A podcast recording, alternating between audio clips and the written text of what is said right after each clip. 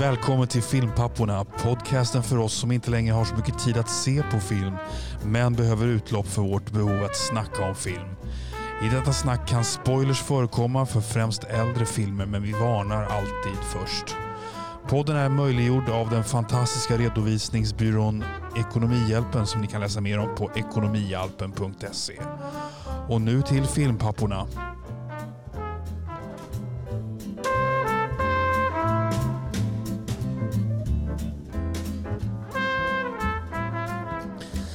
Hörru du, eh, Oliver.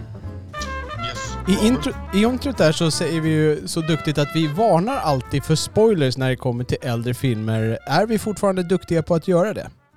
Jag misstänker att du har eh, sett motsatsen.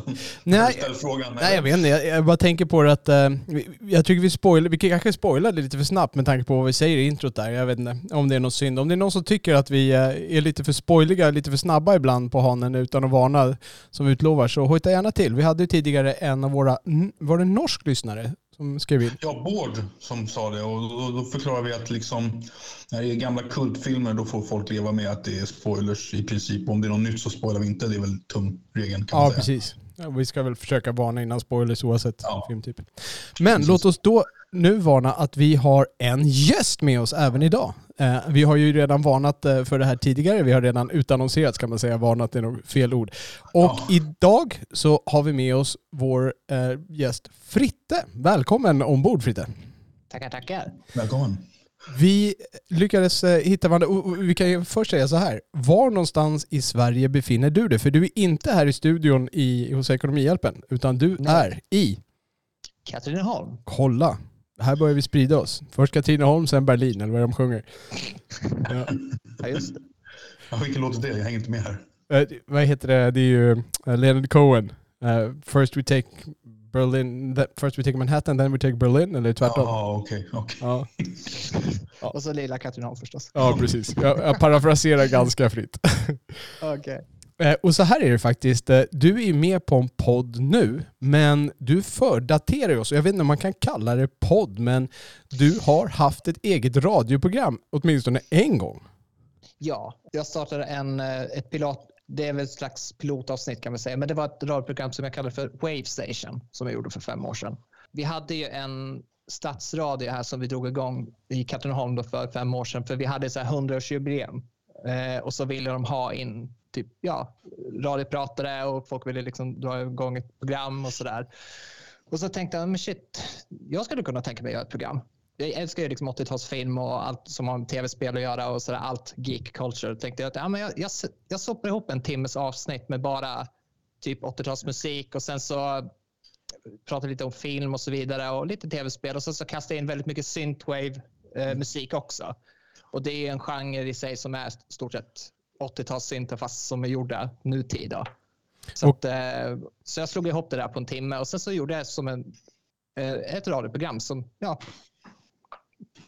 så, som ja, liksom en, ett, ett radioprogram med musik som vanligt. Liksom. Och du säger att du drog ihop det på en timme, men jag tror du menar att du drog ihop en timmes avsnitt, för jag misstänker att det Ja, tog ja. långt mycket mer än en timme att lägga ihop det där, för det är väldigt välproducerat. Ja, okej. Ja, tack så mycket.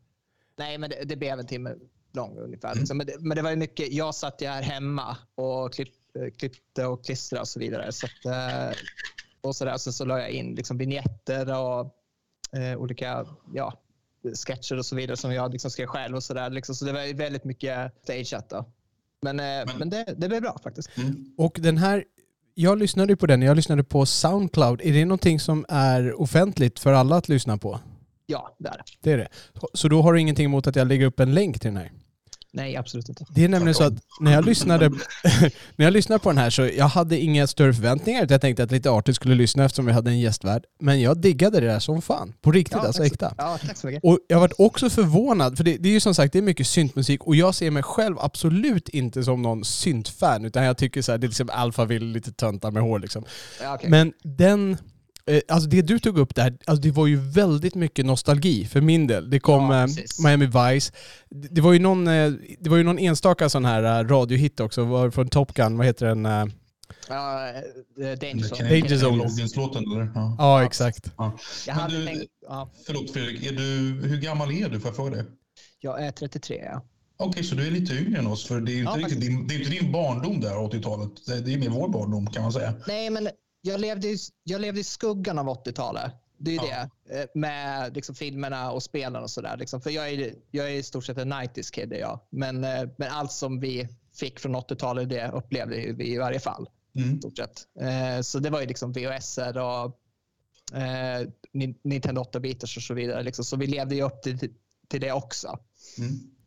Men jag kan, jag kan verkligen varmt rekommendera för de som kan ha minsta intresse av det här att gå in och lyssna på det. Jag ska lägga upp en länk till det här i avsnittsanteckningarna till, här till, eh, till eh, avsnittet på eh, Soundcloud. Jag har lyssnat på det flera gånger. Det, var, det slog an strängar liksom. Fastän det var nytt, det var mycket nytt, så slog det an strängar i min barndom. Ja, eh, uppväxten liksom, som jag inte trodde liksom fanns där. Och jag har, jag har, lagt, jag har skapat lite egna spellistor utifrån det här och sådär. Jag har tagit upp Ja, mycket av det ja. kan jag säga. Nej, och, och jag hade lite inspiration för... Eh, när, när jag gjorde det, det där programmet så tänkte jag jag vill gärna ha ett radioprogram precis som i GTA-serien. Eh, om jag spelar typ GTA 3 eller GTA Vice City och sånt där. Så tänkte jag, nej det kanske inte... Vice City har jag faktiskt spelat. Jag, jag hade en Ja. höst när jag spelade väldigt mycket. Det var kul. För de, kastade, de kastade in egna radiostationer där och tänkte ja, men jag ska nog göra typ en take av det. Ja. Och, och det, blev, det blev ganska bra faktiskt. Ja, det var coolt. Jag hade gärna lyssnat på flera avsnitt av det. om Du skulle plocka upp det där fem år senare. Ja, eh, eh, vi, vi får se i framtiden. Vi får se om jag drar igång det, men jag känner lust. Så. Ja, ja det är bra. Eh, Ja, så vi har, vi har ju lite standardfrågor där som vi brukar. Vi har, nu har du daterat dig så det är 88 du är född alltså med andra ord. ja. Helt korrekt. Och är du en pappa?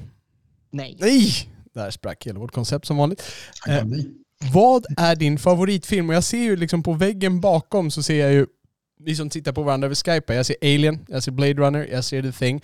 Vad är din favoritfilm? Det måste vara The Terminator från 84. The Terminator. Och jag kommer ihåg du skrev det där i första mejlet när du kontaktade oss. Och jag blir så Yes. glad för någon som skriver The Terminator, inte Terminator 2.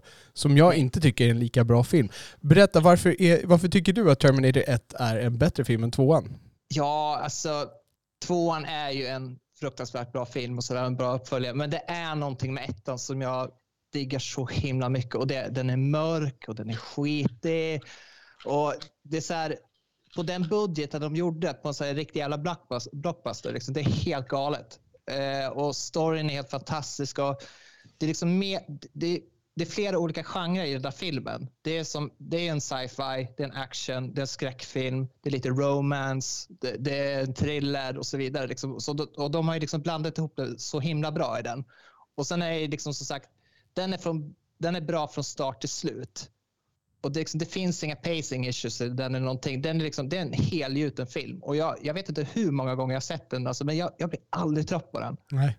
Aldrig. Det, det, det är så här, när jag drar igång Terminator, liksom, då blir jag alltid glad och liksom bara, ja, nej, nej jag, jag måste säga alltså det, det, det är nog, den, den är så himla bra att liksom att den, ut, den slår ut tvåan för mig, helt klart. Jag tycker de lyckas behålla den här känslan av att de är jagade, liksom den här hopplösa Ja, jakten exakt. hela tiden. Man får lite falsk trygghet när de är på polisstationen. Som sen grus, grusas totalt liksom när han bara Ja, mejar ner den där. Nej, Ja. men just det där och sen, eh, att mycket står ju på spel i ettan. För det är som sagt Sarah och sen är det Kyle. Och eh, de, de måste fly från den här Terminator. För, för de har ju liksom inga vapen direkt och liksom har ihjäl den här Terminatorn. Liksom. För i tvåan däremot, där liksom, då har de en Terminator med sig och det liksom tryggheten är ju lite bättre då. Men, men i ettan i sig är ju liksom sagt, liksom, det, det liksom, de måste liksom fly från den här Terminator för annars de, de kommer ju ha, ha han, Terminator kommer ju ha ihjäl dem liksom, oavsett vad. Mm. Så det- det är det. Liksom. Så igen, ettan är liksom mycket, allting står mycket mer på spel då. Det kan Ja. jag säga. Så spänningen är mycket, mycket högre. Ja, jag kan bara hålla med där. Om vi går över till regissör, har du någon favoritregissör? Vi har redan nämnt det här så jag anar vad som komma skall. Ja, jag måste nog säga Ridley Scott. Det är faktiskt. Ridley Scott? Okej, jag hade Ja. ju väntat mig att det skulle vara Carpenter då eftersom eh, vi, vi nosade lite om honom. Men det är Ridley Scott Ja. alltså? Ja, Ridley Scott, för ändå rent hans estetik och stil. Liksom, det är alltid behagligt att kolla på hans filmer som Blade Runner och Gladiator och eh, eh, vad heter det, Black Rain och så vidare. Liksom. Så för, liksom, det är alltid skönt att liksom, se hur han har filmat allting. Och liksom, ja, nej, jag måste nog säga faktiskt Ridley Scott faktiskt. Jag vet inte hur mycket du har lyssnat på den här, men Ridley Scott kommer ju ofta upp här och Mm. jag, jag vet inte hur... Det är inte så att Oliver dyrkar honom och jag avskyr honom, men jag, jag, har, jag är en ganska stor kritiker till Ridley Scott. Jag tycker Alien Mm. är, är, är den bästa i sin genre, Blade Runner är jättebra, men Mm. sen är det Gladiator, liksom det är bara själslöst ögongodis resten av hans repertoar i min värld. Så att jag har ju en, eh, jag har en lite annan take på Ridley Scott där, även om jag gillade Last Nej, Duel väldigt mycket. Nej, men jag förstår vad du menar. För Ridley Scott har ju liksom, han har ju sagt det själv, han står ju liksom för det visuella bara. Det, det, det, det är hans take. Liksom, om man tittar på den här dokumentären med Blade Runner, för när han hade skådisar on set, då, då sa han ju bara, ni gör ert jobb och läser manuset. Jag sköter kameran och jag vet hur jag ska ha det. Liksom. Så det är det. Så att han är ju liksom ingen direkt director liksom för att hålla koll på skådisar direkt. Det är liksom, han är liksom en visionär. Och det, och det har han ju varit ärlig med och sagt. En visuell att, eh, visionär, I Ja, högsta det grad, kan man ja. säga. Och, och det ser bra ut. Så att, eh, onekligen. ja, Han är väl gammal reklamare från början va? ja, exakt. Ja. Han gjorde den här Macintosh-reklamen från eh, ja, 1984, Taken. Så det var han ju känd för. Mm. Och sådär. Men sen han, han hade gjort hur mycket reklamfilmer eh, innan också. Liksom. Men, men det var ju så han kom in i hans karriär, innan han började liksom med film så att säga. Där ser man. Eh, så det var din favoritregissör. Är har du någon sån här särskild filmupplevelse? Någon upplevelse? Det spelar ingen roll om det var en fantastisk film eller inte, men är det någon filmupplevelse som sticker ut lite ovanligt, mer än vanligt? Ja, det är många alltså. Men när jag såg Mad Max Fury Road på bio, holy crap. Den eh, liksom filmandet och skapandet av, av just den filmen och just det här ljudet. Det var så, man var så indragen i filmen, alltså, för man kunde inte släppa det. Det, det, var, ja, det var helt fantastiskt. Eh, Det är liksom, det, nu är det en okej film idag man kollar på Netflix och sådär. Liksom. Men när jag såg den på bio, det var en fruktansvärt bra bioupplevelse måste jag säga. Och jag, jag är inget jättefan av Mad Max-filmerna. Det är så här, ja, ja, nu ska jag gå på Mad Max, vi får se. Liksom. Och jag bara, holy crap, det här var ju asbra gjort ju. Det verkar, att, eh, det verkar som att vi kan ruta in det lite grann om du säger att du, du verkar uppskatta det audiovisuella väldigt mycket i en film. Mm, det är jag. Okej. Ja, men vad kul. Välkommen ombord Fritte. Nu ska vi ta dig eh, igenom här. Vi har ju faktiskt, vi kan ju nämna det, vi kommer ju inte bara köra ett vanligt avsnitt idag utan sen eh, lite mer juletid så kommer vi köra en 80-tals special där du dyker upp också. Yes. Det ska bli lite kul det. Men Mm. nu tar vi och rullar igång vårt ordinarie avsnitt med veckans filmfrågesport. Och då har vi alltså varsin fråga med oss som vi kommer att slänga ut mot varandra här. Och eh, Fritte, vi gör så här. Vem tycker du ska börja skjuta? Nej, men jag kan väl dra den. Då drar du. Eh, min, film, min filmfråga lyder då. Eh, John Carpenter som ni känner till Mm. gjorde eg, egen musik på sina egna filmer Ja. eh, och sådär. Eh, men han hade ju en till kompositör, eh, en slags vapendragare. Och eh, jag undrar, vad heter den snubben? Ja, Robert vill svara. Menar du möjligtvis Ennio Morricone? Nej. Nej, okej. Han gjorde musiken till The Thing. Okej. Jag kan ju gissa då. jag gissar så här, Giorgio Moroder. Nej. Då undrar jag, vem är det då? För, jag- alltså, jag Alan trodde... Howard. Vad heter han? Alan Howard. Alan Howard Okej. eh, hjälpte till med John Carpenters eh, filmmusik. Som Ha- sagt, Han var med lite grann på Halloween, var det så? ja. Ja. Eh, Han hjälpte till, eh, som jag har skrivit här, så han hjälpte på Halloween 2 och 3. Okej. Och sen eh, hjälpte han ju till bland annat på Escape from New York, Christine, Big Trouble in Little China och Prince of Darkness och They Live. Okej. Så sagt, för de jobbade ständigt med varandra i studion. Så han var ju med kompositör. Ja. till- Så en musikalisk tandem, de gör musiken ihop helt enkelt. Ja, precis. Ja. Det, det, finns, Okej. det finns ju bilder på Google eh, som man kan se att de jobbar ihop och sådär. Mm. För min känsla var ju att Carpenter gjorde oftast musiken själv. Jag vet att Ennio Morricone gjorde The Thing. Det var någon annan som gjorde Starman tror jag också, som jag inte vet vem det Mm. var. Det var. Var inte det någon av varorna, alltså Jerry Goldsmith eller någon sån där? Ja. Oklart. Ja. Jag, har inte, jag har inte sett den filmen än. Eh, men, men Ennio Morricone gjorde ju det till The Thing. Eh, och han, han gjorde det så att det skulle låta precis som John Carpenters enkla syntslingor. Och så därför man skulle kunna tro att John Carpenter gjorde det där themet själv, men det var ju Ennio. Så att, eh, Ja, det. Det är ett väldigt effektivt eh, tema där. Det är ju väldigt, alltså på samma sätt som Hajen, det är inte likt Hajen, men det är effektivt på samma sätt. Det är simpelt, men verkligen effektivt i Thing-temat. ja, minimalistiskt. Där. Exakt, tack. Det Jättebra ord. det är så enkla syntslingor bara. Men sen- räcker, det funkar perfekt. Ja, för, för man kommer in i modet ganska rejält i The Thing. Ja. Så att, eh, ja. Ja, Ja, men kul. Oliver, vill du skjuta härnäst? Ja, jag kan ju kontrastera med lite Bergman-trivia. det är bra. Okej. Bra. Nu sitter vi bra till Fritte.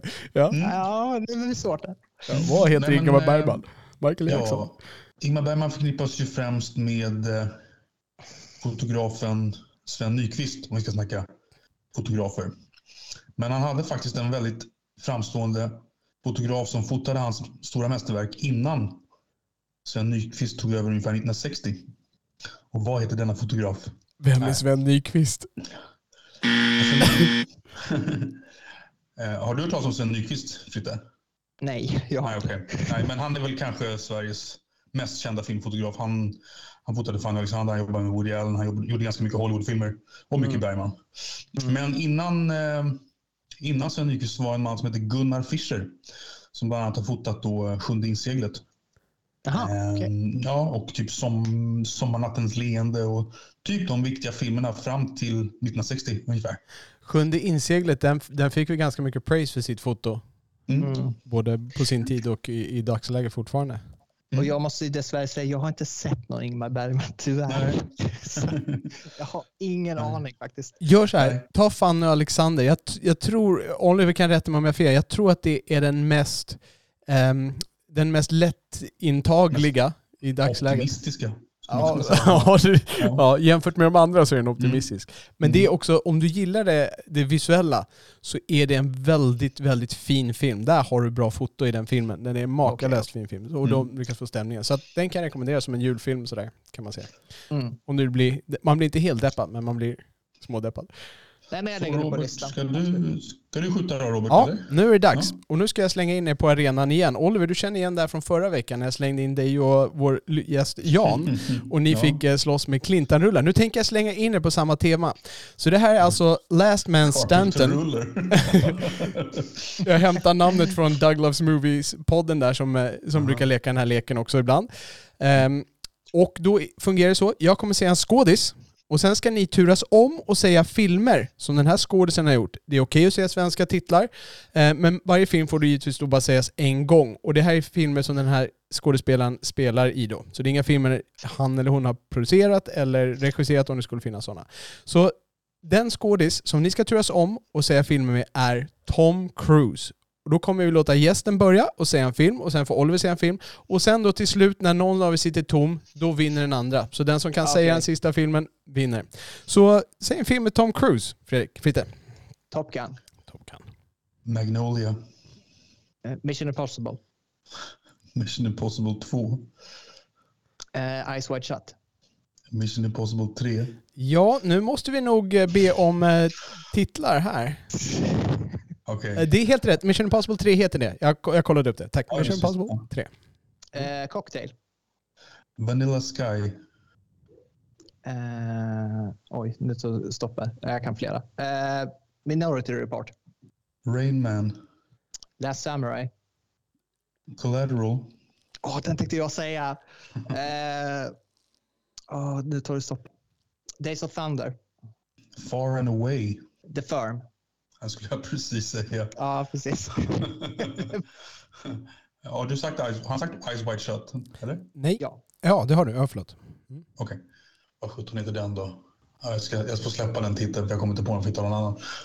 Eh, Jack Reacher. War of the Worlds. också. Edge of Tomorrow. Och det, det är en bra film. Eh, Åh gud, åh gud, det är så svårt. Och han, gjorde en, eh, han gjorde en skitdålig här nyligen. Åh, vad heter den? Eh, The Mummy. Valkyria. Åh. Jag har, någon till. Eh, ja, eh, eh, vad heter det? Risky Business. Mm. Mycket bra. Mission Impossible Rogue Nation. Mm, helt rätt. Eh, Mission Impossible Fallout. Ja. Ja, nu börjar det bli tunnare här. Eh, Jerry Maguire. Ah, fan, det skulle jag säga. Ja. Eh, Åh, gud. Hur ser Ja, din du- hand ut nu Fritte? Är vi på timer eller? Ja, jag borde komma på en till. Åh, han gjorde någon sci-fi måste han ha gjort. Någon till. Ah. Nej, jag stannar där. Sorry. Du stannar där? Ja, Okej. Då eh, ger vi en... eh, Poäng till Oliver där.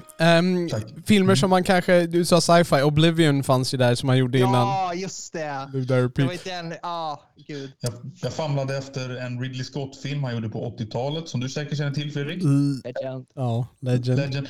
Och sen tänkte jag även på den här uh, S.J. Hinton-filmen med, med Matt Dillon och Patrick Swayze och alla de där grabbarna. Den heter... eh, Ja, just den där gamla, jag vet precis vilken du menar. Ehm, Ja, just det.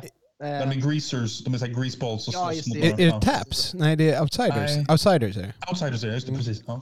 Den gjorde han ju med eh, Paul Newman också. Men han eh, ja, det är en var favorit. biljard, biljardspelare. Ja. Jag har inte sett den, men eh, den ska vara ganska okej. Sonny Rainman.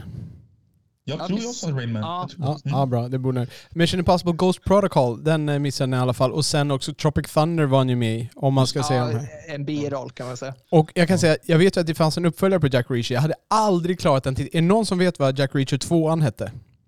Jag trodde, att Eh. du skulle, jag, trodde, jag trodde du skulle bomma mig på den första, att den hette nog mer än Jack Reacher. Nej, den hette bara Jack Reacher. Tvåan heter Jack Reacher Never Go Back. Oh my god. Jag känner inte ens igen det liksom när jag hör det. Men jag har sett den. Jag gillar lite Ra- Jack Reacher-filmerna faktiskt. Det var så här, ah. Nej, det, nej precis. Det, de gjorde inte det som karaktären skulle vara. Liksom. Sådär, liksom så gru, eller, Ja. gruffig och hård. Karaktären i böckerna, han är ju liksom, han är ju stor och bastant. Och, Mm. liksom, här kommer lilla smidiga ninja Tom Cruise, liksom, 1,30 lång. Ja. Ja, just det. Ja. Ja. Men, men. ja, men det är bra. Eh, toppen! Kul. Vi har ju också med oss en lyssnarfråga som vi har fått med oss. Och det är vår lyssnare Douglas som har varit med i tidigare avsnitt här också och varit gäst. Och hans lyssnarfråga är If you could spend 24 hours in any film setting with no threat of dying, which would you choose? Och han skriver givetvis på engelska för han, har ju, han kommer ju då från USA även om han bor här i Sverige. Här i Tyresö närheten till och med, inte direkt i Tyresö. Så det är alltså... Väldigt bra svenska. Ja.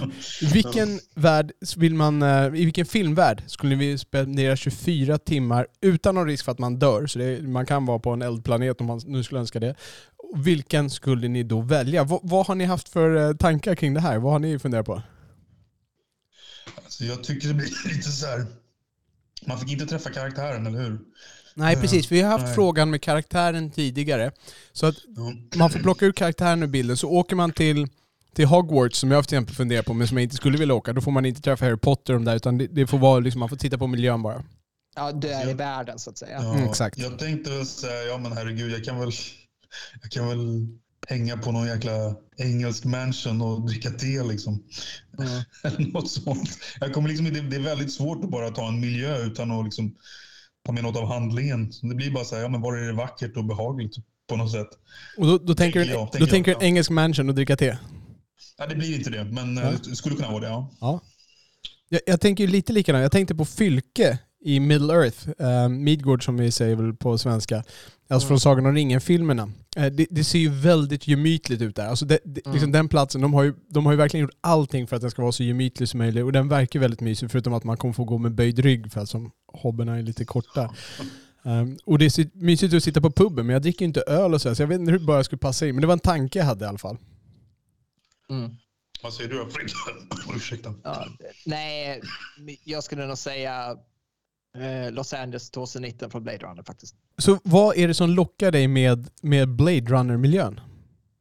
Det, det är just det här mörk, rökig, regnig, neonlit stad så att säga i framtids, framtidsvision och så vidare. Men det är liksom, genren i sig heter ju cyberpunk och eh, jag har diggat den, den miljön ganska länge, liksom, ända sedan jag såg Blade Runner för första gången. Då. Och tänkte, eh, nej men det där skulle man faktiskt kunna leva i liksom, och, liksom, och bara vara där stort sett liksom, och bara uppleva. Så att det, det, ja, nej, jag skulle nog säga Los Angeles. Det blir Eh, så. 2019. Ja. Ja. Ja, det blir faktiskt Los Angeles för mig med, men en annan epok. Eh, Mm. Jag mm, stoppar in mig själv i eh, miljöerna i filmen The Long Goodbye av Robert Altman.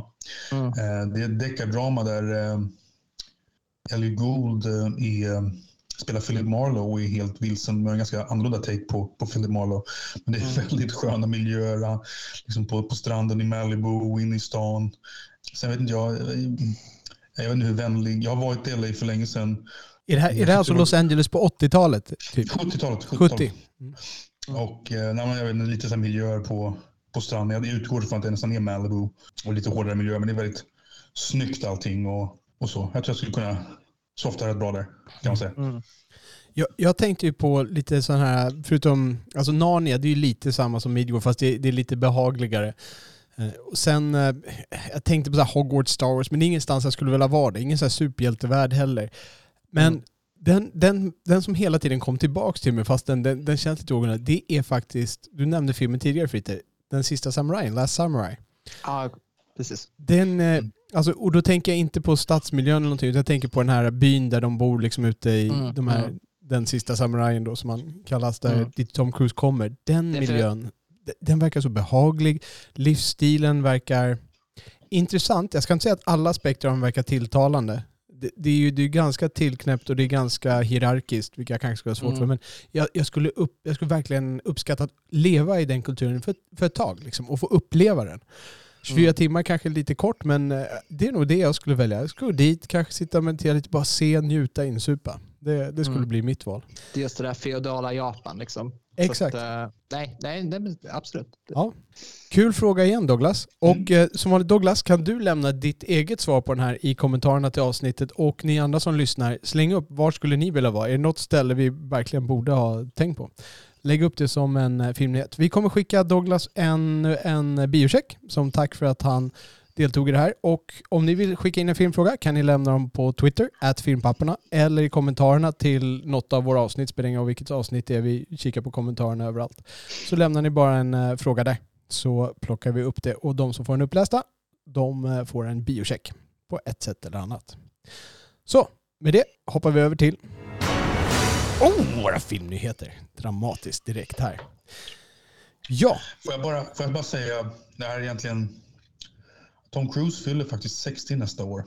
han fyller 60 nästa år. Oj, oj, oj. Det är lite förnyhet. Du ligger liksom före, ett år före Mm. allting. Ja. Ja, men det, är, det är ju helt otroligt. Eh, Alltså det, det känns som att, att, att han gör så här galna stunts när han är 57, det är en sak. Men ska han göra när han är 60-61 också, det är otroligt. Det är hatten av för honom. Jag, jag har ju mina Mm. problem med Tom Cruise och hans scientologi och de här grejerna. Jag har svårt att se honom i Mm. filmen. Men alltså det är hatten av, det är respekt för den killen. Verkligen. Ja, men just det här vad han gör för vår underhållnings skull. Mm. Att han riskerar eh, både kropp och själ för det där. Det är helt galet. Han- Men eh, han- nej, med stor respekt från mig. Alltså, Ja. helt klart. Mm. Han är ju verkligen liksom stereotypen av en filmstjärna och han lever upp till det på många sätt och vis. Och han, br- han brinner ju verkligen för sin passion också. Det märks ju. Så att, eh, och det, han har ju hållit på det i decennier. Så att, eh, nej, hatten av för, till honom faktiskt. Ja, hatten av för Tom Cruise ett år i förväg. Om vi går ner på lite mindre storartade verk. Är det någon av er som har sett Extraction som ju väl var en Netflix-film som de släppte där med Chris Hemsworth? Var inte den som du recenserade någon gång? Och jag gjorde det för en Ja. massa avsnitt sen. Jag såg en bitar av det, men jag, det föll inte för mig så jag stängde av faktiskt. Ja. Eh, Det handlar om Chris Hemsworth som är en legosoldat och de är i Mm. Indien väl och så ska de ta sig ut ur en stad. Han ska då ta ett barn där och föra ut det ur staden, som, ett barn som blir kidnappat då. Och så ska han föra ut Mm. ur staden ungefär och det blir massa hinder. Ehm, och i slutet av filmen så verkar det som att han dör, även om, även om de lämnar en hint att kanske, kanske han inte dog. Eh, och den hinten har de nu tagit fasta på för att nu är det klart att det blir en Extraction 2 och han är tillbaks. Han dog tydligen inte alls. Så Chris Hemsworth kommer tillbaks i Extraction 2. Jag har... Eh, jag själv känner ingen som helst eh, sug på att se den här. Jag, jag vet att det var en, en hit på Netflix och jag tycker det är så svårt att förhålla sig till de här streaminghittarna när man inte ser någon, när man inte ser box office-siffror, när man inte får se liksom hur mycket pengar har tjänat. De har ju någon algoritm där som, som de ser liksom att vi behåller våra prenumeranter. Det har de säkerligen och de måste ju då ha bedömt att om de slänger ut den här tvåan då får de ännu fler prenumeranter. ja, Fredrik. Yes. Vad har du? Nej, min eh, filmnyhet är ju i stort sett att eh, Oscar Isaacs ska spela Solid Snake i den nya Metal Gear Solid-filmen. Ja, Mhm. Okej. Det var ju... Vad, hette, vad hette filmen? Jag, jag är inte riktigt så kunnig här känner jag Fredrik. Vad hette filmen sa du? Metal Gear Solid. Så Metal Gear, Metal Gear Solid. Solid. Ah, okej. Och det bygger från eh, ett, en tv-spelserie. Då. Ah, okej. Jag, att, eh, jag känner ju den tv-spelserien, eh, eller ett avsnitt av den tv-spelserien från Nintendo, 8-bitar som jag spelade, som hade ett Metal Gear hette det då bara. Ja, precis. Och det var ju samma karaktär. Det var väl inte ens det allra, allra första spelet med den karaktären? Jo, alltså rent tidsmässigt ja. Alltså, det är det första spelet i spelserien. Men eh, vi ska inte gå in på hinna mycket på det. Men själva grejen är liksom att eh, det släpptes ju liksom två spel innan det här Metal Gear Solid kom ut. För det är, först, det är första Metal Gear och sen kom Metal Gear Solid.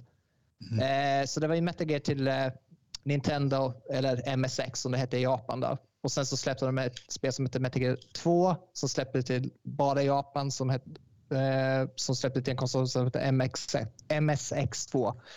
Och sen därefter så släppte de ett spel till Playstation som heter Metal Solid och det släppte de 98. Och det här, den här filmen kommer nog bygga på det. Mm. Just det här Playstation-spelet. Då. Och, eh, som jag läste på IMDB, både Oscar Isaacs är jättefan till Metal Solid och eh, regissören också. Och de har även pratat med skaparen till Metal Gear Solid, eh, Hideo Kojima som han heter. Och de har fått hans välsignelse. Han är väldigt, väldigt petig vilka, vilka som ska filmatisera hans serie så att säga. Liksom. Så att, ja, vi, vi, får se. Det, det kan nog bli bra. Och, men du sa att han är väldigt noggrann med vem som ska filmatisera. Har, han, har något av honom filmatiserats tidigare? Nej, för Nej, han, okay. han, han, har sagt ifrån. Det var så illa att eh, den här tyska regissören Uwe Boll ville göra, göra Metal Solid och han mm. sa ju blankt nej. för, för alla vet ju hur Uwe Boll är och eh, han slaktar ju filmer. Så att, eh, mm. ja. Coolt. Och Oscar... blir den första, första bra dataspelsfilmen, eller jag vet inte. Ja, eh, vi får se. Det är ju ja. det, för dataspelsfilmer blir inte så himla bra i, i slutändan. Liksom. Men som, som jag har fattat det, både, jag har sett på YouTube när Oscar Isaac har liksom bara nämnt det så här, i, mm. i en intervju. Så här, liksom, ah, nej, men jag ser fram emot att spela Solid Snake för liksom, jag, jag är ett jättestort fan och så vidare. Liksom. Och sen när jag läser på IMDB att regissören var också till eh, den här filmen, då, att han var också ett fan och sådär och att de fick Hideo Kojimas blessing att de kommer göra det. Men som sagt, det är fortfarande pre-production. Det är liksom mm. inte det, det enda som man ser i casting är ju bara Oscar Isaacs. Man vet inte så himla mycket mer. Sen finns det concept art och sådär. Men eh, vi, vi, får se vad det leder till. Och så. Men eh, fingers crossed i varje fall. Det kan sluta bra eller eller så kommer det sluta illa. Liksom. Låt oss hoppas på det. det. Jag har ju sett bilder på, på spelet så jag vet hur karaktären ser ut oftast mm. från Jag, jag kan tänka mig att Oscar Isaac är ganska bra casting om man ser till den bilden, även om han kanske är lite kort. Kort och lång, det spelar väl nog ingen roll. Men det är liksom så här, men jag tror han skulle passa som Solid Snake ändå, för han har ju liksom stubbet och han, han ser lite min ut och sådär. Liksom. Men sen också, om man ska titta tillbaka typ för 10-15 år sedan. Christian Bale var ju också intresserad av att spela som Solid Snake med. För han är också ett stort fan av det. Så att, eh, men, eh, men det rann ju ut i sanden. Då, och så där. Det har ju spekulerats också om Hugh Jackman skulle spela Solid Snake och ja, sen såg jag, ska kolla med, jag tror Viggo Mortensen också. Jag tror det står på IMDB att, att de hade tänkt ha i castingen. Okej. Okay. Ja, intressant. Jag tänkte gå vidare på spåret med uppföljare. För att det är nämligen så, förra avsnittet så regisserade vi ju, eh, regisserade, så recenserade vi Shang-Chi and the Legend of the Ten Rings, Marvels näst senaste film. Eternals går ju på bio nu. Shang-Chi har ju släppts på streaming här nyligen. Eh, och det är nu bekräftat, eh, det har väl varit bekräftat lite grann att det kommer en uppföljare, men nu börjar detaljerna komma ut och det blir samma regissör, Destin Daniel Cretton, som kommer att regissera även tvåan. Det är inte riktigt sagt när det här ska släppas, eh, men den förra filmen var ju bra succé. Den drog, jag tror den drog in eh, 430 miljoner världen runt och det här då under lite pandemiförhållanden. Så att det var ett bra mottagande. Och han, eh, Destin Daniel Cretton, han ska även regissera eller vara delaktig i en eh, spin-off på det här på tv-serier. För Marvel de tar ju ner på tv-serier. Som jag, om jag förstått det ska det fokusera kring syrran som leder något nå gangstergäng där och vad det nu är. Jag är inte så insatt i, i den biten men han har sina fingrar med i spelet runt omkring också. Men filmen blir huvudsak där. Jag tyckte inte att den första filmen var så bra. Jag gav, eh, avrekommenderade folk att titta på den. Har du sett den Fritte? Nej, jag har inte det. Hur stor Marvel-fan är du? Medelmåttlig. Jag tycker om det och sen tycker jag inte så mycket om Marvel. Så att, eh, men som sagt, första Iron Man är riktigt bra och gillar väldigt mycket Thor Ragnarok väldigt mycket. Det, det är nog den bästa faktiskt, skulle jag nog säga. Eh, och så där. Sen har man ju sett Avengers och så vidare. Liksom. Men ja, det, det, det är en bra serie. Mm. Det- är det. Men, det- men det är inget som jag är die hard fan till. Som sagt, liksom, jag, jag har inte läst så mycket comics och så där. Jag känner ju till Marvel och så vidare. Liksom. Men, men när Marvel kommer upp, då, då, då kollar jag på det. Och sen så tycker jag ja, det är helt okej. Det är bra underhållning. Är. Mm. Ja, men du, du verkar vara ganska bra synkare. Då tror jag du Mm. också skulle tycka att det här kanske är en av de svagare installationerna. Skulle jag gissa Mm. på. Mm. Det du säger där. Ja, för då har jag en liten grej till och jag håller mig kvar vid Marvel. Det är ju en uh, Spindelmannen-film som är på väg ut nu. Den 15 december har den premiär i Sverige och det är Spider-Man No Way Home. Och den här filmen har ju fått mycket snack runt omkring sig. I trailern så visar de ju, det är nu de ska börja med det här multiversum där det liksom man korsar olika, um, olika varianter av Spider-Man. Så att det sägs att man ska få se Tobey Maguire Spider-Man, så att Tobey Maguire ska vara med där. Och sen också, vad heter han som spelade innan Tom Holland tog över den? Um, som spelade The Amazing Spider-Man-filmen. Um, han ska också dyka upp och lite gamla fiender, Doc Ock spelad av Alfred Molina dyker upp. Uh, och det här, eh, det är mycket snack kring det här. Men nu har det redan börjat pratas om framtiden och här är det lite olika bud. För det var någon från Sony, så här är det Sony äger ju rättigheterna till Spindelmannen och hela hans universum. Det är, Marvel äger alltså inte de rättigheterna. Sony är det som har gjort de här filmerna och det är därför de inte varit knutna till Marvel-filmerna tidigare förrän Marvel då gick till Sony och sa att låt oss samarbeta och sen har de då, dels har ju Spindelmannen då funnits i Marvel-filmerna och sen så har ju Spindelmannen då också fått sina egna filmer som är knutna till det här universet med, Tony Stark då har varit med i flera av dem, spelad av Downey Jr. Men nu så, dels så har Sony gått ut och sagt att nej, vi, eh, nu, det här var det sista, nu ska det inte vara något mer, eh, det, Spindelmannen kommer inte vara med i MCU längre, alltså Marvels universum, utan Mm. nu ska de köra sin egen grej. Men, och sen har Tom Holland, skådespelaren nu, han har sagt att eh, nu liksom, jag kommer vara över 30, det här kommer inte funka så bra för mig, så det här blir nog min sista film som Spindelmannen, har han sagt. Men nu kommer Marvel själva ut och går och säger att det finns redan planer för nästa film och det är i Marvels universum och det är med Tom Holland. Så att det verkar vara lite eh, olika bud på det här från olika håll och jag har svårt att förstå varför i och med att de här personerna har gått ut och sagt det här offentligt och sen att de talar emot varandra så mycket, det låter lite konstigt.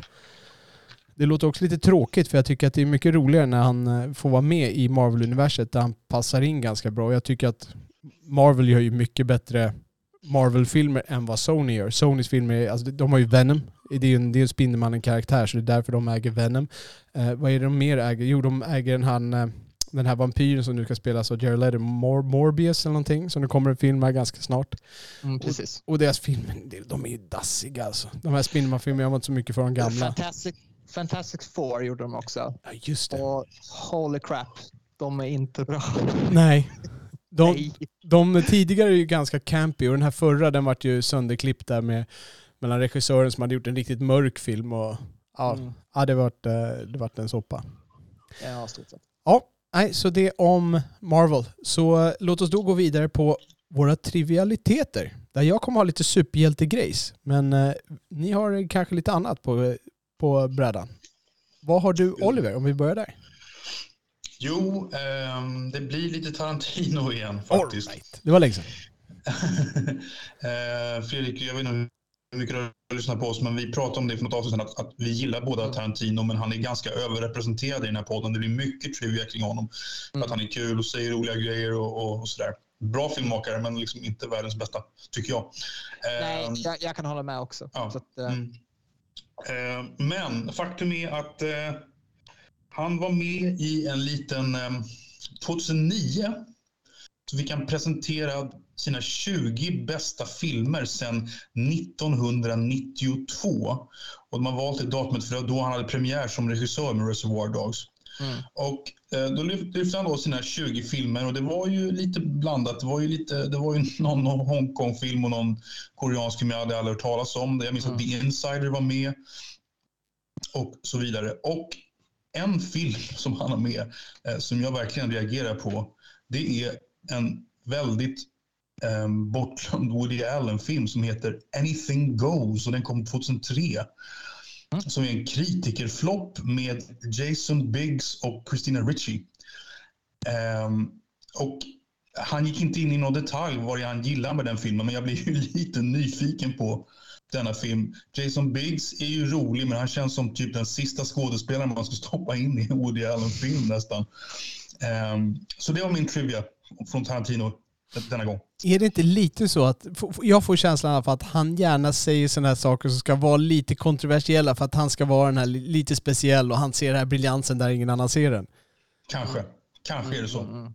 Ja. ja. Det, det, känns, det känns typiskt Tarantino, men ja. ja. Jag skulle veta vad, vad Tarantino tyckte om Fanny Alexander. Ja, jag har aldrig hört honom prata om några Bergman-filmer faktiskt. Det har jag inte.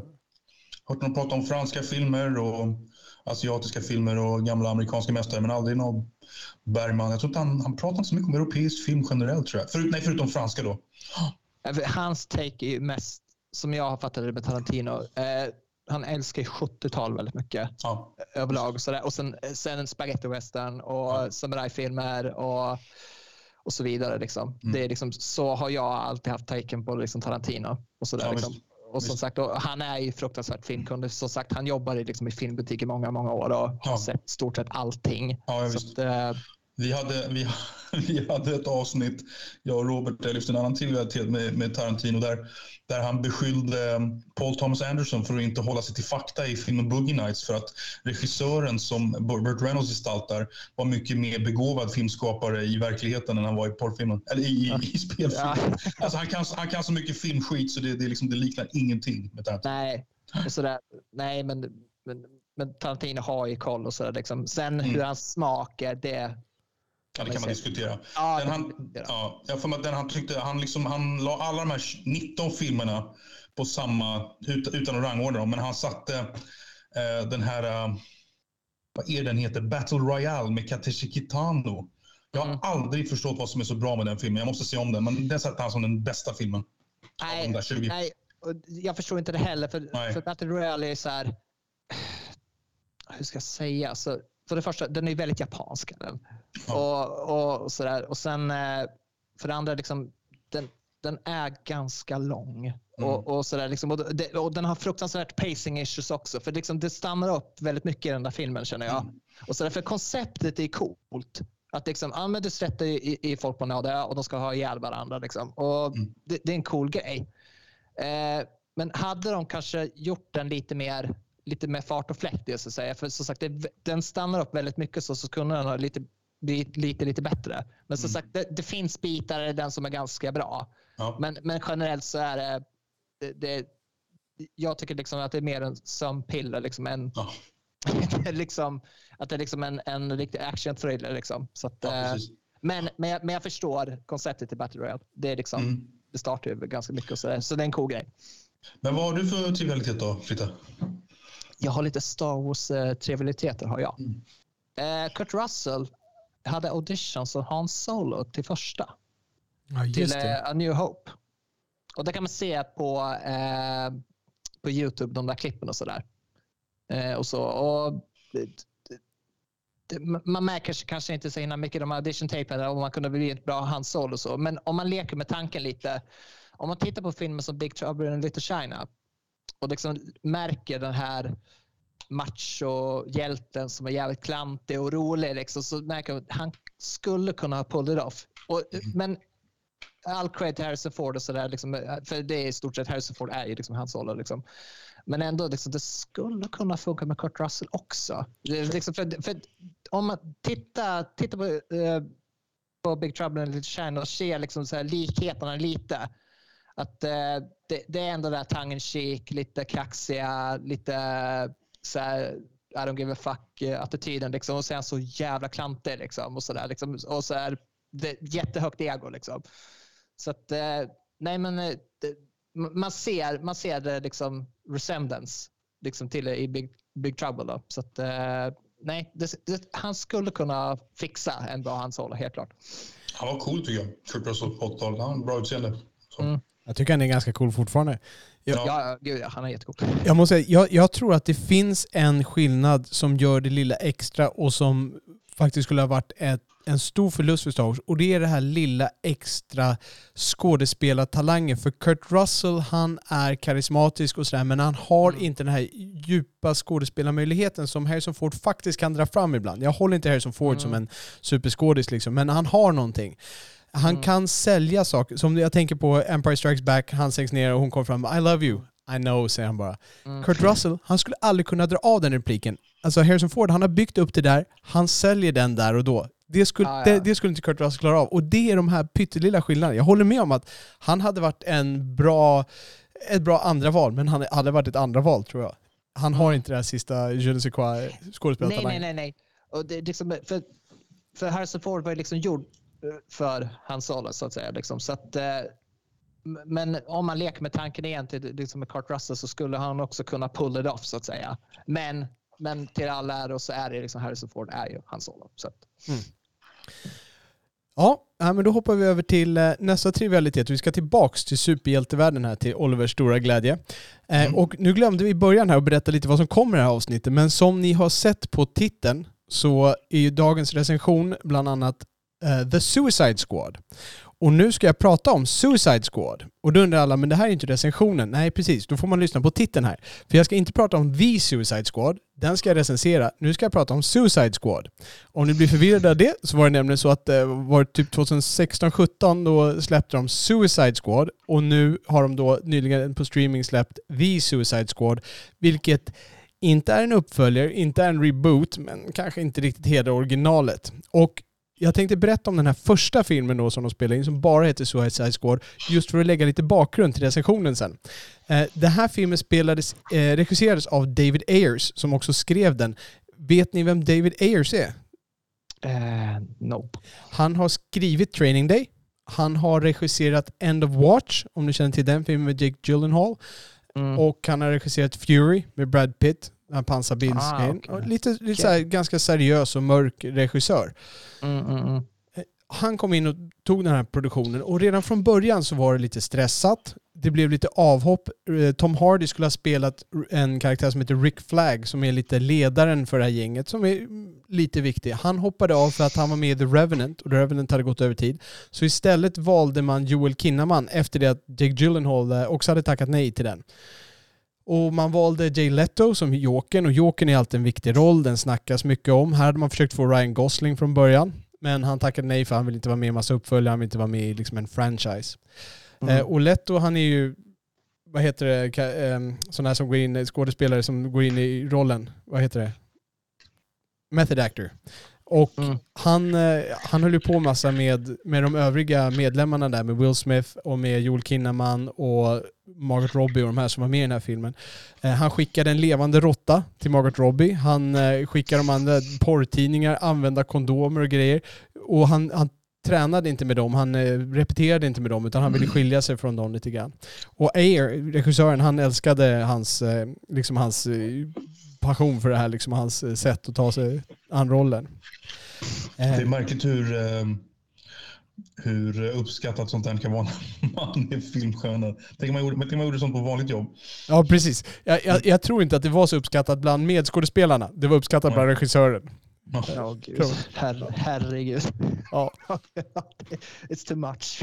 Men, Eh, ja, ja. Och det verkar som att de bondar ganska bra bakom scenen när det finns bilder när typ Will Smith tatuerar Joel Kinnaman och alla tatuerade liksom en grej där liksom för att de bondade ganska bra bakom kulisserna.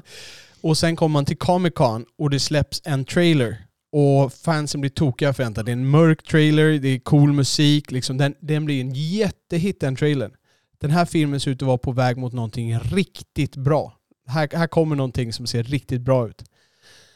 Sen kom Batman vs Superman, Zack Schneiders film. Den här filmen floppade. Inte superhårt, men det, den levde absolut inte upp till förväntningarna och den fick lite... kri- Kritiken mot den var lite hård. Förlåt, det var Suicide Squad som floppade? Nej, Batman vs. Superman. Okej. Ja, Okej, okej. okej. För det som hände då är att en executive på studion som heter Kevin Sujihara, eh, han börjar få kalla fötter. Han, börjar, han sitter och tittar på Marvel, ser hur de bara kammar pengar i öknen liksom. Ja, just det. Och eh, han tänker, vad fan, det här måste vi göra. Och då hade han precis sett Deadpool. Deadpool blev en jättehit. Superlåg budget, jättestor hit, drog in massa pengar. Så då går han och säger att jag vill ha lite mer som Deadpool. Det ska vara roligt och, och det ska vara liksom lite fantasifullt och tungan i munnen och sådär. Så nu blir det en massa reshoots. Då ska de spela in, det ska bli en lättare, glättigare ton och allting. Och sen bakom Ayers rygg hyr han dessutom in trailerteamet, alltså de som klippte ihop trailern, till att klippa ihop filmen. Så nu, nu börjar det liksom bli lite eh, nu börjar det bli lite twist emellan här. Så de väljer att göra eh, en testscreening av två versioner. Dels den här mörkare som David Ayer har gjort och dels den här nya med, eh, med lite mer skämt och sådär. Och alla testscreens visar att den här mörka versionen var klart populärare. Det, det var den som var en hit. Eh, den ville de ha. Så vad gör studion då? Då klipper de ihop bägge versionerna och ska ta det bästa från båda. Och, och försöka klippa ihop. Och det blir ju bara en jävla soppa och sörja. Och det är det de släpper. Så det blir en rulle med massa logiska historieberättarluckor. Eh, och det, ja, det, det blir bara, det går inte att, alltså den filmen är liksom, man bara känner hur bara konstigt i hela filmen. Det blir liksom inget flyt, ingen röd tråd, utan det blir aparta scener, blir ingen uppbyggnad, blir ingen, man känner inte karaktären och sådana här bitar. De klipper också bort typ en timme med Jokern, för att i Ayers version var Jokern liksom en av huvudpersonerna. Här blir han bara en biroll som dessutom är en ganska konstig biroll. Han bara dyker upp helt plötsligt. Vilka skådespelare är med i den här nya versionen då? Eh, det kommer jag ju ta sen när jag kommer till recensionen. Så jag sparar, Jaha. jag sparar Det, det. som att du började, det låter som att du började recensera redan. Ja, nej, nej det, här är, det här är en gamla film vi pratar om nu. Jag pratar ju fortfarande om den gamla. Ja, ja, absolut. Ja. Så det här är en gamla film som släpptes Jaha. förut. Och den drar ändå in typ 750 miljoner dollar över hela världen. Så det, det blir ju en riktig kassako. Det, det, det är Ja. crazy. Den är, den är sågad liksom av kritiker, publiken tyckte inte heller den var bra. Den får en Oscar för bästa makeup. Men uh, Jared Leto Ja, och... det säger inte mycket alltså. Nej, precis.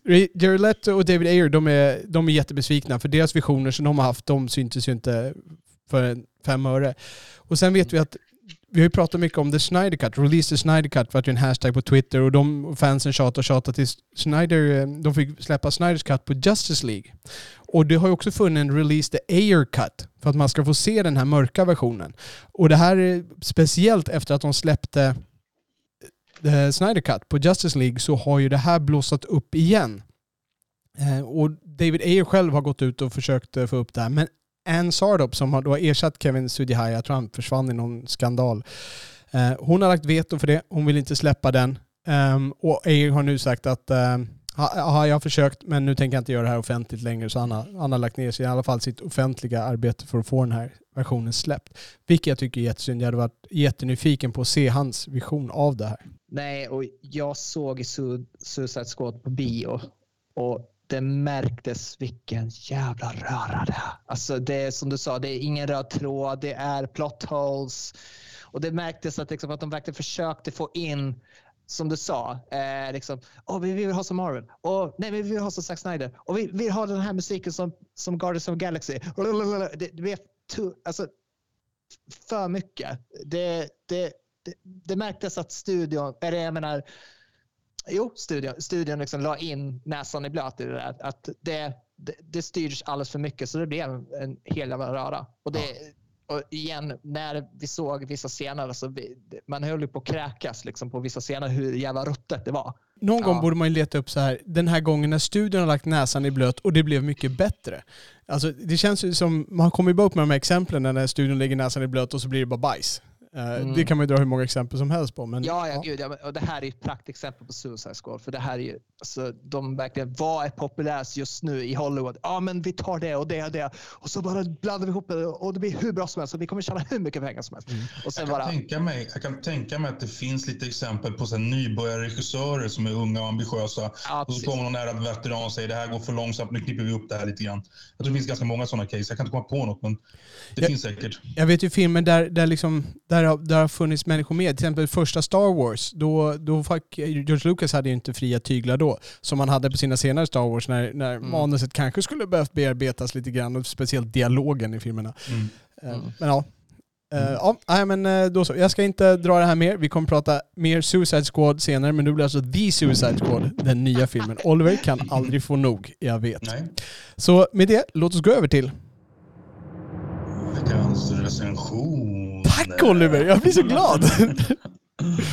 Eh, Mm. Och då tänker jag, eftersom kan ju jag... bara- Den här kan ju bara vara bättre. Eftersom, förra, ja, jag tänker tänkte, eftersom jag har suttit och dragit ner rant här, varför inte låta Fritte börja? För du har med en liten recension också av en film som går på bio och som ligger mig varmt om hjärtat.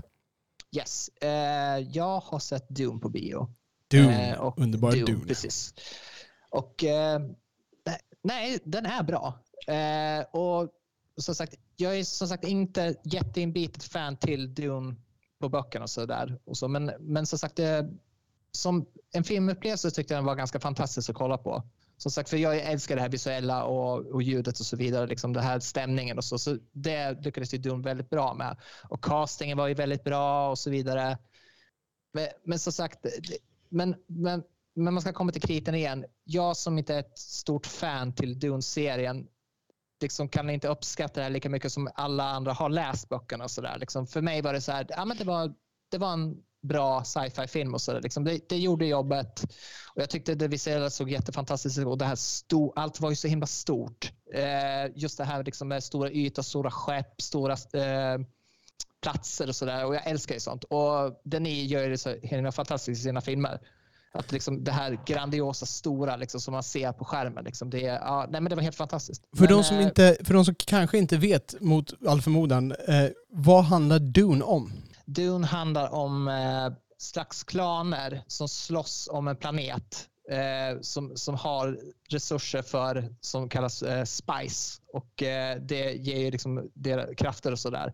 Och de här klanerna är ju med krig med varandra och de försöker liksom ta över den här planeten som heter Arrakis eh, som vi, vi kallar Vidun. Och eh, det händer ju mycket drama runt omkring det där och så vidare. Liksom, men de kommer ju dit och eh, ja, vad ska man säga? Och det blir ju, eh, det är familjen Atreides som slåss mot familjen Harkonnen där. Kejsaren, han plockar ju bort Harkonnen så får Atreides flytta till den här planeten men det visar sig att kejsaren har lite mörka planer. Och Atreides ligger inte så bra till som de kanske tänkte sig, även om de anar ugglor i mossen när de kommer Precis. dit så anar de nog inte det fulla, fulla planen som kejsaren hade där.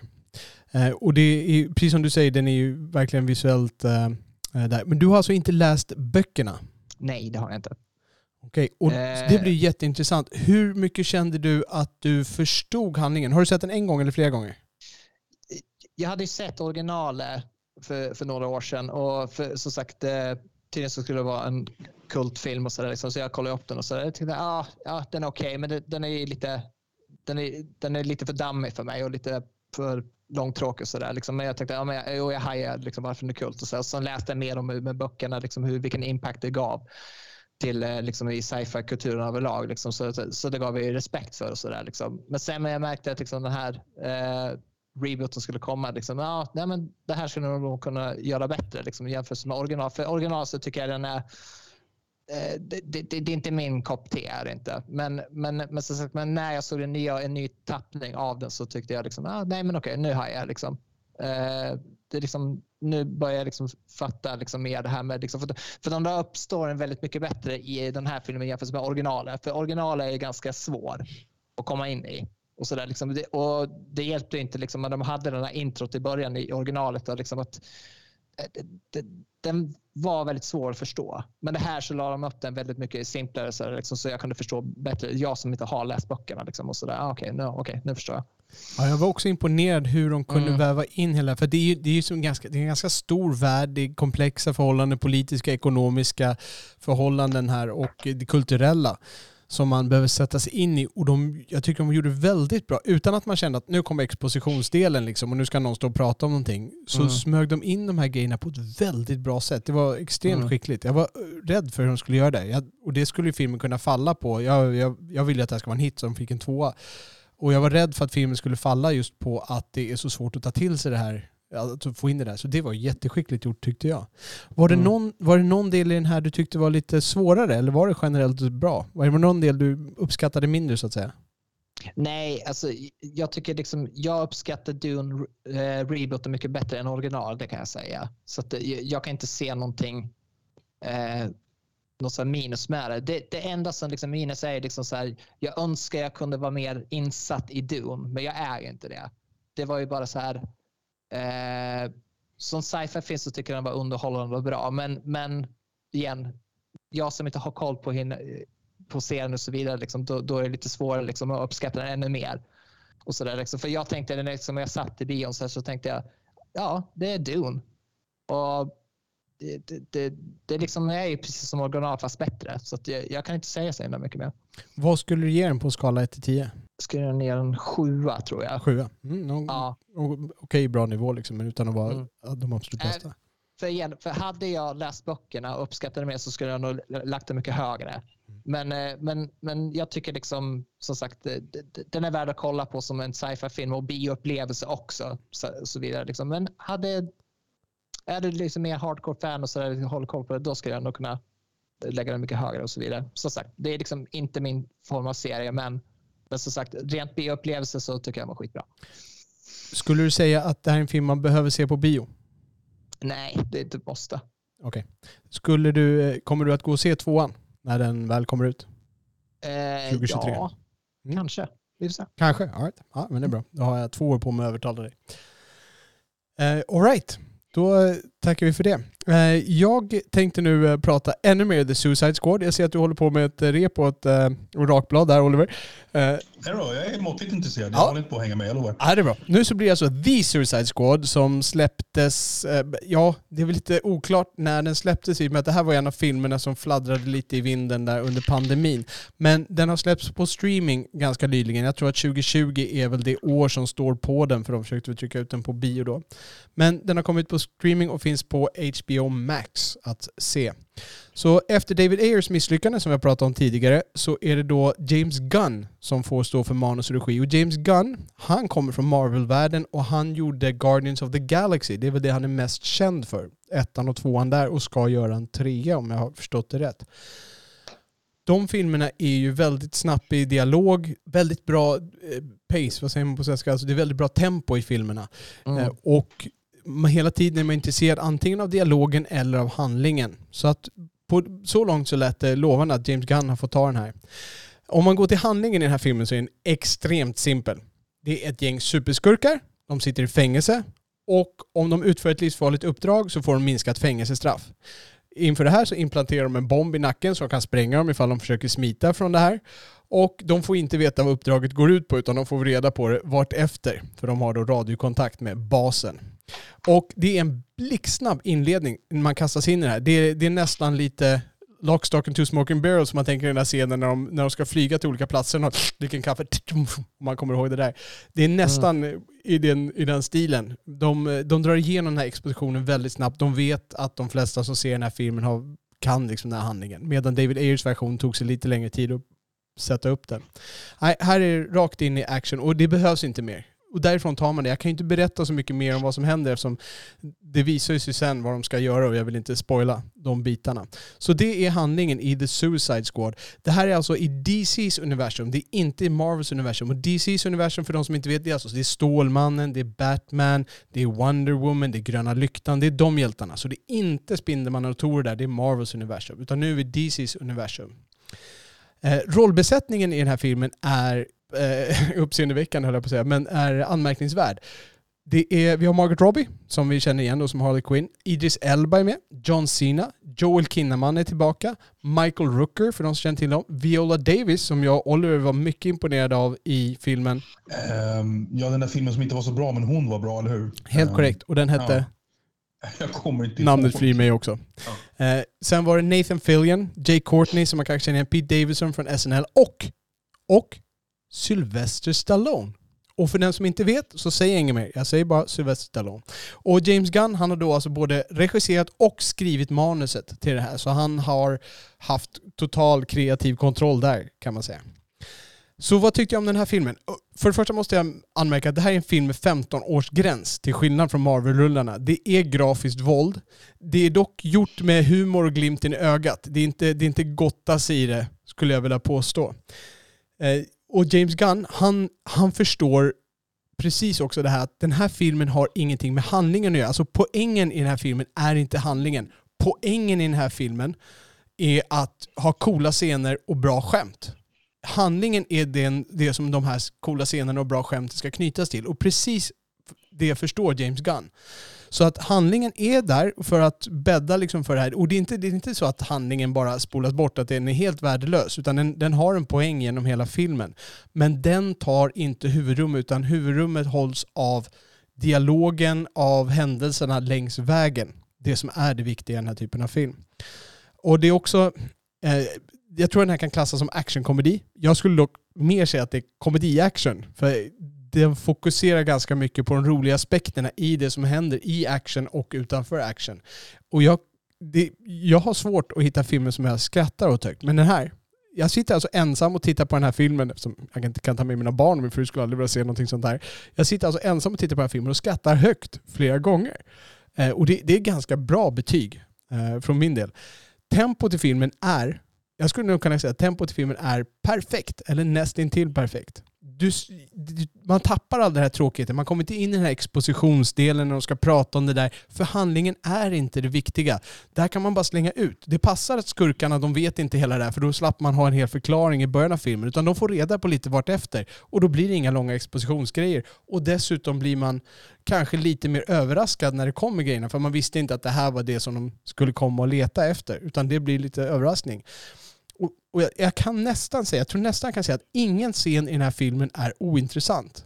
Vilket också är ett väldigt bra betyg. Antingen är det snabb dialog, den är lustig, den tar en framåt, den överraskar en lite.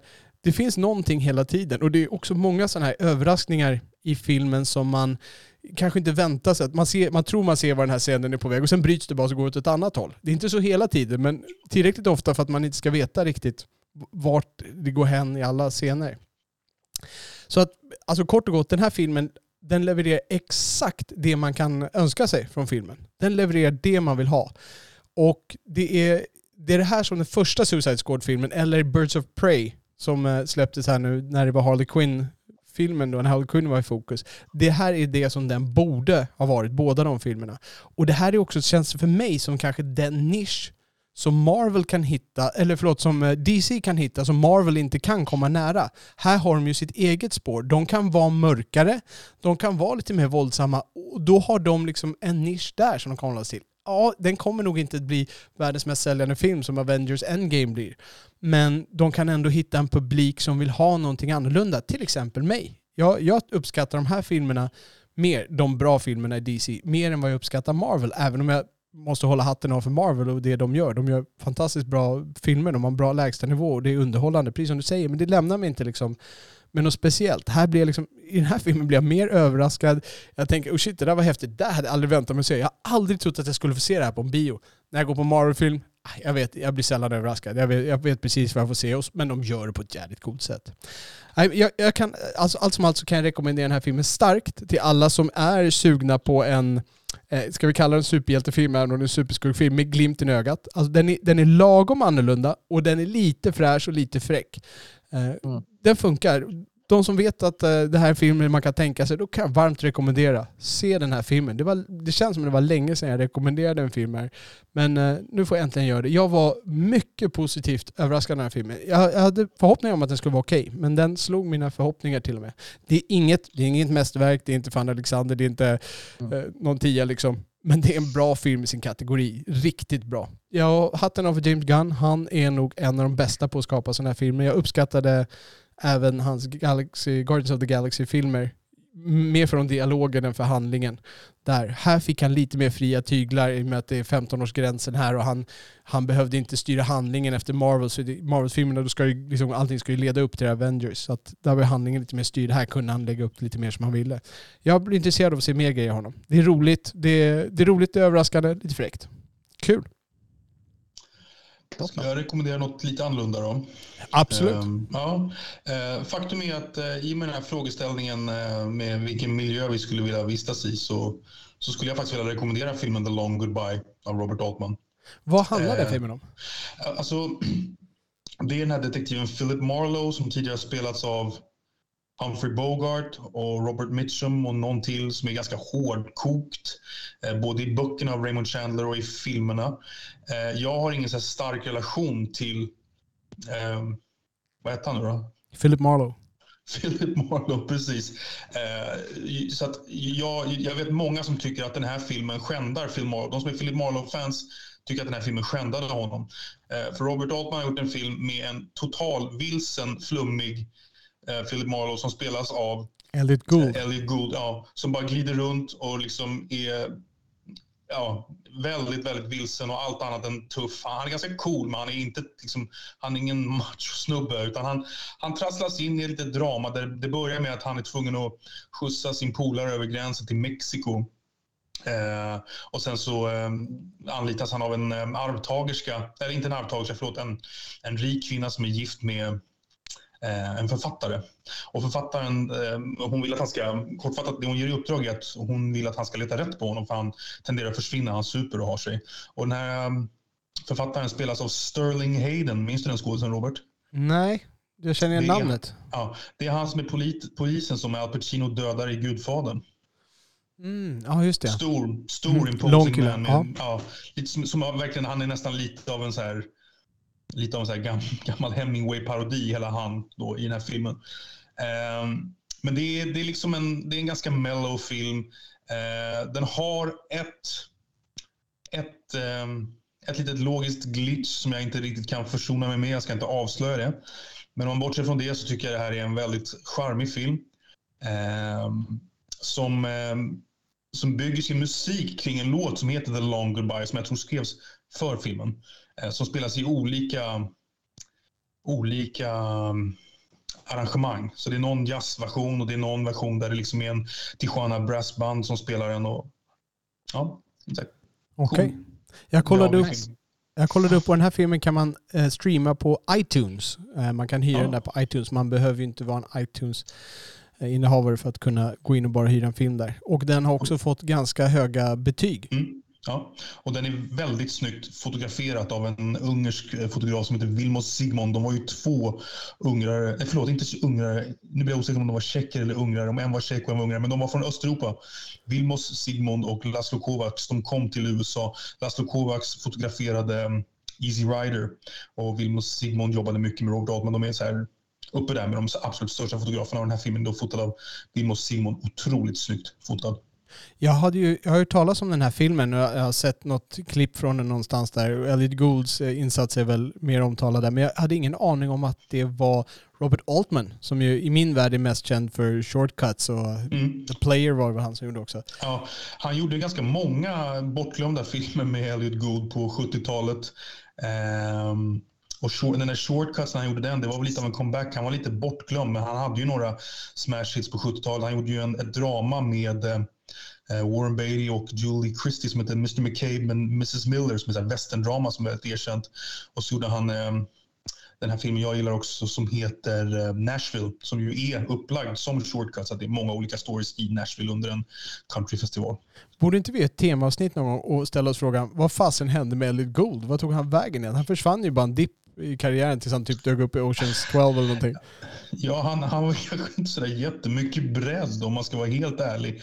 Han, eh, han är med i American History X har jag för mig som någon mesig pappa, minns jag rätt där? Jag tror att han är med i American History X. Sen är han ju även med och spelar någon pappa i serien Friends också. Tror han är pappa till David Schwimmer, tror jag det är. Ja. Det låter ju troligt. Mm. Har du någon relation till Elliot Gould, Fritte? Nej, dessvärre inte. Ja. Fel, fel århundrade, höll jag på att säga. Fel årtionde. Ja, tyvärr. 70-tal. Ja. Oh my god. Det var inte så mycket synthwave på hans tid. Nej, det inte. Tyvärr. Ja, nej, men cool. Då har vi eh, betat av eh, veckans recensioner och rekommendationer också. Så då har vi tre rekommendationer den här veckan att ta med. Ni kan gå och se Dune. Den går ju fortfarande på bio. Så att eh, jag, jag skulle säga att ta den på bio. För det- om man inte har ett väldigt bra hemmabiosystem så skulle jag säga ta den på bio. Jag tror man behöver få upplevelsen. Du var inte lika säker på det Fritte. Nej, du, du- du kan ju både se den på bio och eh, hemma också. För jag, jag såg den på bio och sen såg jag på SF Anytime. Eh, som sagt, och hyrde, hyrde för en ganska skaplig slant då. Men, eh, men jag tycker liksom både och. och så där. Men visst, om man ska få den hela bioupplevelsen så ska man ju se den på bio. Självklart med ljudet och eh, vad heter det? Bilden och allting. Liksom. Men, men den går att se hemma också. Eller så kan ni titta på The Suicide Squad som finns på HBO Max eh, om man vill ha sig lite, mera, lite mer glimten i ögat där. Eller om man vill gå tillbaka lite mer retro så The Long, vad heter den? The Long Goodbye. Och The Long Goodbye. Robert, Ja. det är en cameo av Arnold Schwarzenegger i denna. Ja, just det. Är det, är det den han är inne på Vilken någon bar I, i The Long Good Night som Oliver rekommenderade. Goodbye. Ah, Det, Ah, som okej. händer, det som händer är att, att Ellie Gould hamnar hos en gangster. Mm. Och det är en ganska konstig scen. Eh, där jag, jag har för mig att Arnold Schwarzenegger, jag tror inte han fick cred i namn, men han är med. Det är definitivt han. Han liksom, han klär av sig och visar sin bodybuilder-kropp. Eh, de gör liksom någon sån här stri- strip down som är jättekonstig. Så kortfattat. Det känns Okej. som att någon sån där agent fick säga, oh, men han kan vara med i den här, måste få visa upp sin kropp där liksom, så att det inte fanns kommande filmer. Ja, liksom. ja, ja. Ja, ja, verkligen. All right. Ja, men skönt. Eh, då ska vi, innan vi tackar av Fritte här, så ska vi prata lite om vad vi har härnäst. Eh, nästa vecka, då är det ju alldeles innan julafton. Vi siktar på att släppa den 23, så tänker vi ha ett avsnitt med vår eh, ny gäst. Och då är det vår gamla lyssnare Robert P. En av våra trognaste deltagare som dyker in i studion igen. Vi eh, kommer sen eh, efter julafton där, kanske närmare nyårsafton, så kommer vi ta 80-talspärlor med Fritte och sen efter nyårsafton där innan vi går tillbaka till en ordinarie schema så eh, kommer vi dra en topp tre Klintan. Vi kommer plocka fram våra bästa Klintan-filmer. Jag, Oliver och våran eh, lyssnare Jan som var med förra gången i förra avsnittet här och pratade. Så då kommer vi dra topp tre Klintan där och sen eh, är vi tillbaka efter julledigheter. Men jag vet inte hur mycket du har lyssnat på alla våra gästavsnitt Fritte. Vi har ju en liten tradition där vi följer någon annan tradition som vi har kopierat och det är från Actors Okej. Studio där de right. brukar avsluta med Bernard Pivots frågeformulär. Och vi tänkte Yes. göra likadant med dig om det är okej. Absolut, shoot. Så då Fritte, då vill vi fråga, vilket är ditt favoritord? Eh, liksom. Liksom. Mm. Vilket är ditt minst favoriserade ord? Oj, oj, oj. Uh, tjurigt. Tjurigt. Och vad tänder dig? Och då menar vi vad tänder dig på ett kreativt eller på ett andligt sätt eller på ett emotionellt sätt? Vad, vad är det som tänder dig? Musik. Musik. Musik överlag. Och vad är avtändande? Motsatsen. Oklart, oklart. Svensk polisfilm, jag har ingen aning. Svensk polisfilm, det var hårt slag. Ah, Eh, vred sig i det- graven det, där. Det är avtändande. Svensk polisfilm, det är... Det är då jag Gillar ledsen. du inte ens Gunvald? Nej, jag gör inte. Sorry. du, du funderade, man såg två sekunder i dina ögon där. Du funderade på om du skulle ljuga men du kunde inte stå för det. Liksom. Ja. Nej, alltså det- jag, svensk polisfilm överlag är liksom det, det är så sjukt avtändande. Det är något som man stänger av direkt. Liksom. Jag är långt ifrån lika hård, men jag kan säga så här, jag förstår var det kommer ifrån. Ja, gud. ja. Eh, vilken är din favoritsvordom? Eh, får man säga det här? Man får säga det. Nu, Eh, ja, det är könsord där. ett könsord. Nämligen Ja. ett som börjar på F, eller? Ja, Okej. Ah. den, Det är ditt absoluta favoritord, alltså, favoritfordon? va? Ja. Okej. Ja. Den sitter bra. Vilket ljud, eller oljud, vilket ljud gillar du bäst? Vilket ljud? Ja, vilket ljud? Vilken typ av ljud i miljön? Eh, regn överlag. Mm. Regn är nice. Då förstår jag att du gillar eh, Blade Runner där. Ja, exakt. Så vilket ljud, eller oljud, gillar du minst? Ja, det är väl skrapa, skrapa naglar på någon tavla eller någonting. Ja, sånt där. right. Skrap, skrapljud överlag. Liksom det, nej, nej, nej, nej, nej. Och eh, nu kommer fråga om ditt yrke. Då måste vi först fråga, vad har du för yrke? Jobbar som kockassistent, ja. Kockassistent? Ja, precis. Och då undrar jag så här, vilket yrke annat än ditt eget skulle du vilja testa på? Skulle nog vilja pröva på... Jag skulle gärna vilja vara en Ghostbusters, men det finns inte. Ja. Nej, men eh, personlig tränare, det skulle vara, det skulle vara kul att pröva Mm. på. PT. Vilket yrke skulle du aldrig vilja testa på? Jag skulle aldrig, nej, lärare i, i dagens samhälle, det, det skulle inte vara nice. Alltså. Det jag tror högstadieelever och sånt där. För jag jobbar ju på högstadieskola. Liksom. Jag kan tänka mig liksom hur, hur jobbigt och otacksamt jobb det kan bli. Liksom. Hatten av för alla våra lärare som kämpar ute i landet. Ja, jag, Ja. jag tycker synd om er faktiskt. Och slutligen sista frågan. Om det visar sig att himlen existerar, vad skulle du vilja att Gud sa till dig när du anlände vid pärleporten? Eh, bra jobbat. Jag vet inte. High five! Okej. Ja, nej, men jättebra. Då gör vi så att vi tackar dig så jättemycket för att du var med Fritte. Och vi ser väldigt mycket fram emot att köra 80-talspärlor med dig och försöka gräva fram de här kanske glömda eller gömda rullarna från 80-talet där nu när vi kommer in i helst. mellandagar. Ja, ja, gud. Och eh, som vanligt så tackar vi eh, Ekonomihjälpen för att de har hjälpt till här. Om det är någon som vill kommentera så kan ni göra det i avsnittsanteckningarna eller på Twitter där vi finns på filmpapperna. Så med det tackar vi eminenta redovisningsbyrån Ekonomihjälpen. Vi tackar eh, dig Oliver. Tack Robert. Och Tack. tack, Fritte. Framförallt Tack tack. Fritte. Och Tack, tack. tackar vi er som lyssnar. Det är ni som gör det här. Så kul. Jag säger tack för mig. Hej. Hej.